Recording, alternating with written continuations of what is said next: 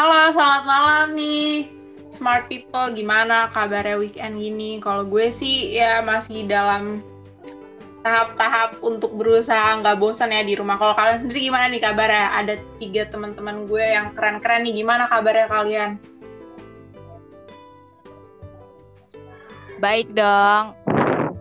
Kabar kabar kalian yang lain gimana?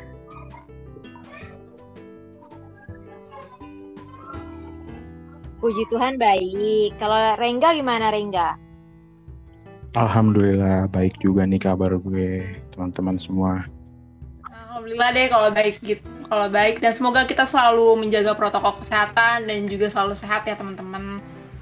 Oh ya, yeah. di podcast pertama kita ini uh, untuk mengisi waktu-waktu luang kita di sesi-sesi membosankan semester 6 ini kita bakalan bikin podcast pertama judulnya Obras Pensi Obrolan.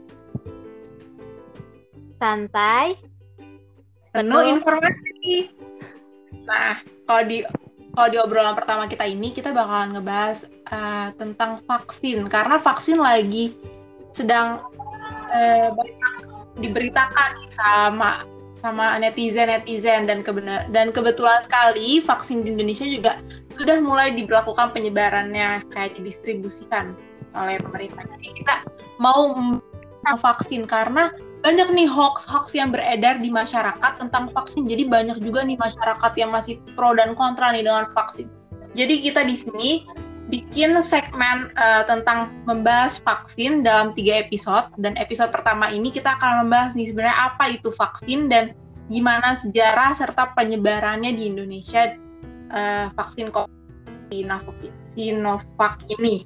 Jadi yang pertama sejarah vaksin itu ditemukan oleh Edward Jenner pada tahun uh, 1796 itu dia vaksin pertama kali yang dia buat adalah vaksin cacar air. Jadi waktu itu uh, Edward Jenner membuat vaksin untuk menyembuhkan penyakit cacar yang menimpa anak uh, anak laki-laki.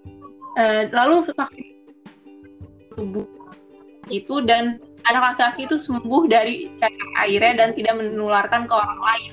Nah, vaksin ini uh, sangat berperan besar dalam dunia kedokteran karena vaksin uh, membantu memberantas banyak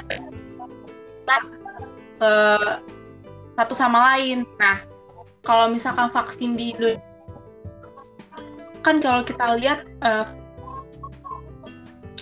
vaksin COVID ini mirip-mirip SARS waktu pada tahun 2002. Nah, kalau gue mau gue udah minta opininya Ririn tentang uh, vaksin COVID yang mirip dengan vaksin SARS tahun 2002. Gimana nih Rin tanggapan lo? Nah, iya, oh benar banget. Uh, jadi itu uh, sebenarnya uh, kejadian virus corona ini tuh mirip banget kayak uh, penyakit SARS, virus SARS yang di Cina pada tahun 2002. Jadi itu mulanya tuh penyakit ini uh, diidentifikasi sebagai kasus uh, sindrom pernafasan. Jadi SARS itu merupakan penyakit uh, sama kayak COVID-19 uh, ini, dia tuh menular juga dan uh, mempengaruhi sistem pernafasan yang disebabkan oleh virus corona SARS. Nah, terus uh, gejalanya sendiri juga mirip-mirip uh, juga sama kayak uh, virus corona ini yang sedang terjadi saat ini ya. Seperti gejalanya tuh kayak pernafasan gitu. Uh, kayak bersin batuk terus uh, kena uh, kontak langsung. Nah dia tuh juga penyebarannya tuh uh, sama kayak COVID-19 rel relatif me, apa cepat terus uh, uh, terus dan mungkin ini juga apa? Ya. Juga kali ya uh, penyakit kan sekarang tuh COVID tapi gejalanya mungkin dulu SARS kita melalui itu dengan banyak gejala. COVID kan. Iya bener banget mirip. Terus uh, meskipun uh, apa uh, wabah ini udah pernah udah pernah tapi hingga saat ini kan juga masih WHO masih kayak belum menemukan uh, obat atau yang benar-benar kayak uh, bisa menghilangkan uh, wabah ini.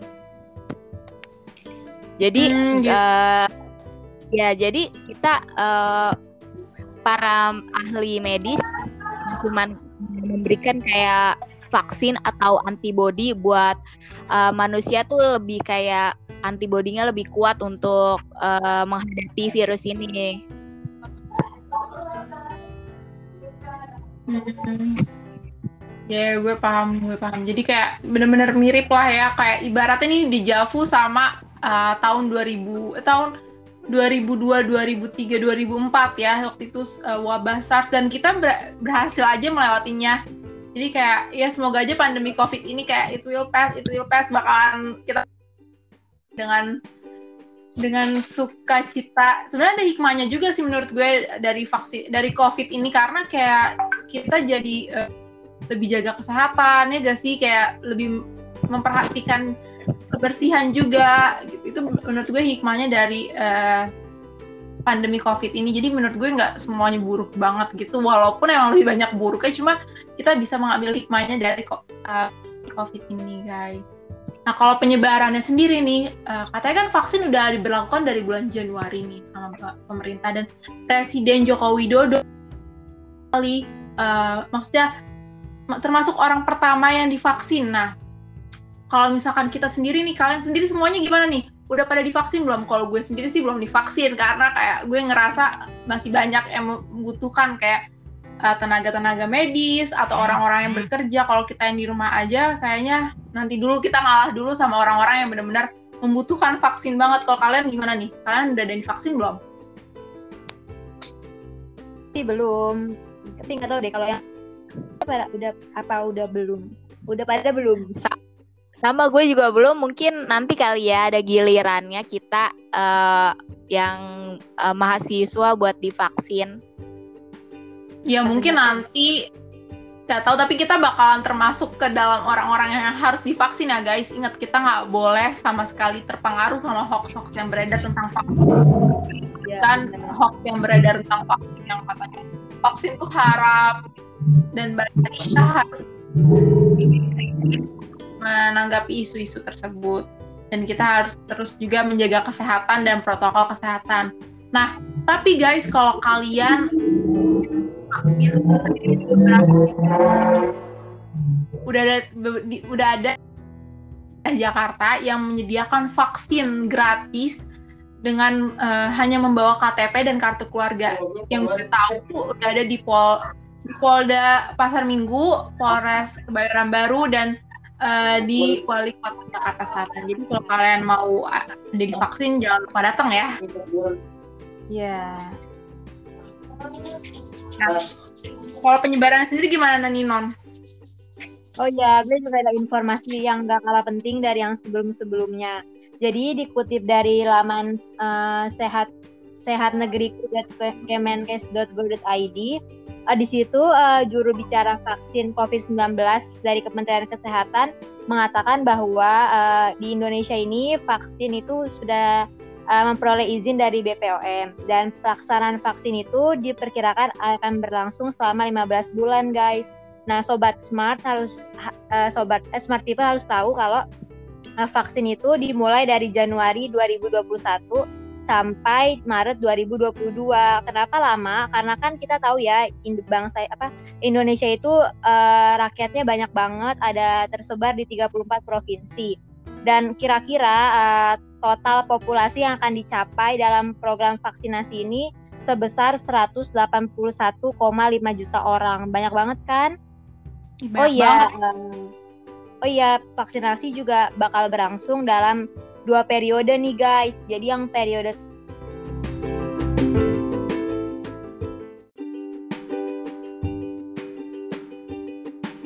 itu kan ada periode pertama sama periode kedua. Nah, di periode kedua ini akan dimulai uh, dari bulan uh,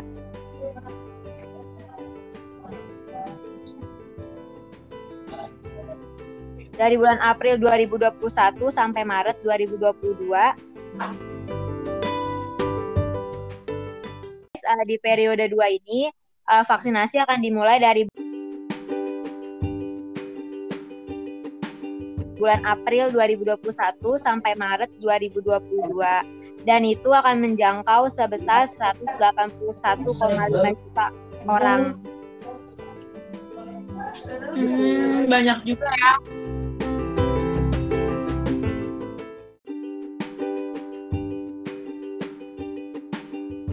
Nah, jadi nih kita mau disimpulkan dari obrolan-obrolan kita sama Rengga buat simpulin apa aja nih poin-poin pentingnya. Jadi buat teman-teman uh, mendengar ini juga merangkum poin-poin penting dari segmen ini. Ayo Rengga, coba apa aja poin-poin pentingnya. Dari kesimpulan yang udah dijelasin teman-teman gue tadi, gue tuh nangkep beberapa poin nih, yaitu vaksin tuh sangat berpengaruh besar dalam dunia kedokteran, terutama dalam memberantas banyak penyakit lewat vaksin. Dan juga vaksin itu pertama kali ditemukan pada tahun 1876. Selanjutnya, uh, gue tuh baru notice kalau ternyata vaksin Sinovac itu hampir mirip sama kayak vaksin SARS tahun 2002 di Cina yang sempat gagal. Karena ya kalau dilihat-lihat ternyata virus SARS dan COVID itu hampir mirip.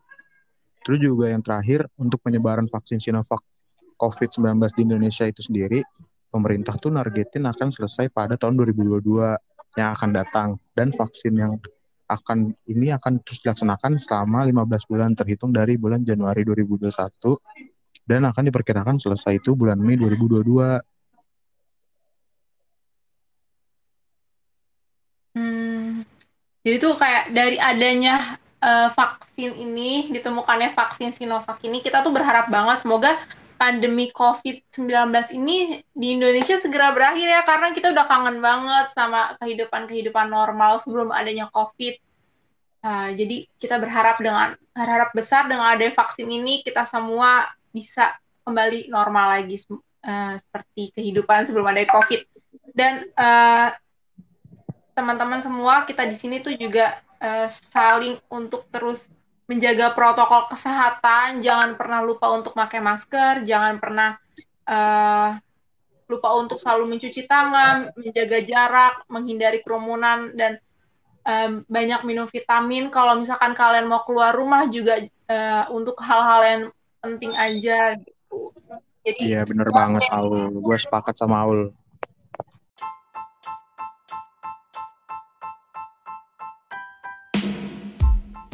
Jadi kalian yang jomblo atau kalian yang lagi pacaran bingung mau ngapain, kalian bisa dengerin Obras Fans ini karena selain menambah ilmu pengetahuan, tentunya juga kalian akan mendengar tiga suara cewek cantik dan satu cowok tampan. Suaranya jadi sekian dari saya Nur Aulemi Jayanti dan tiga rekan teman saya. Sampai jumpa di Obras Fancy episode selanjutnya.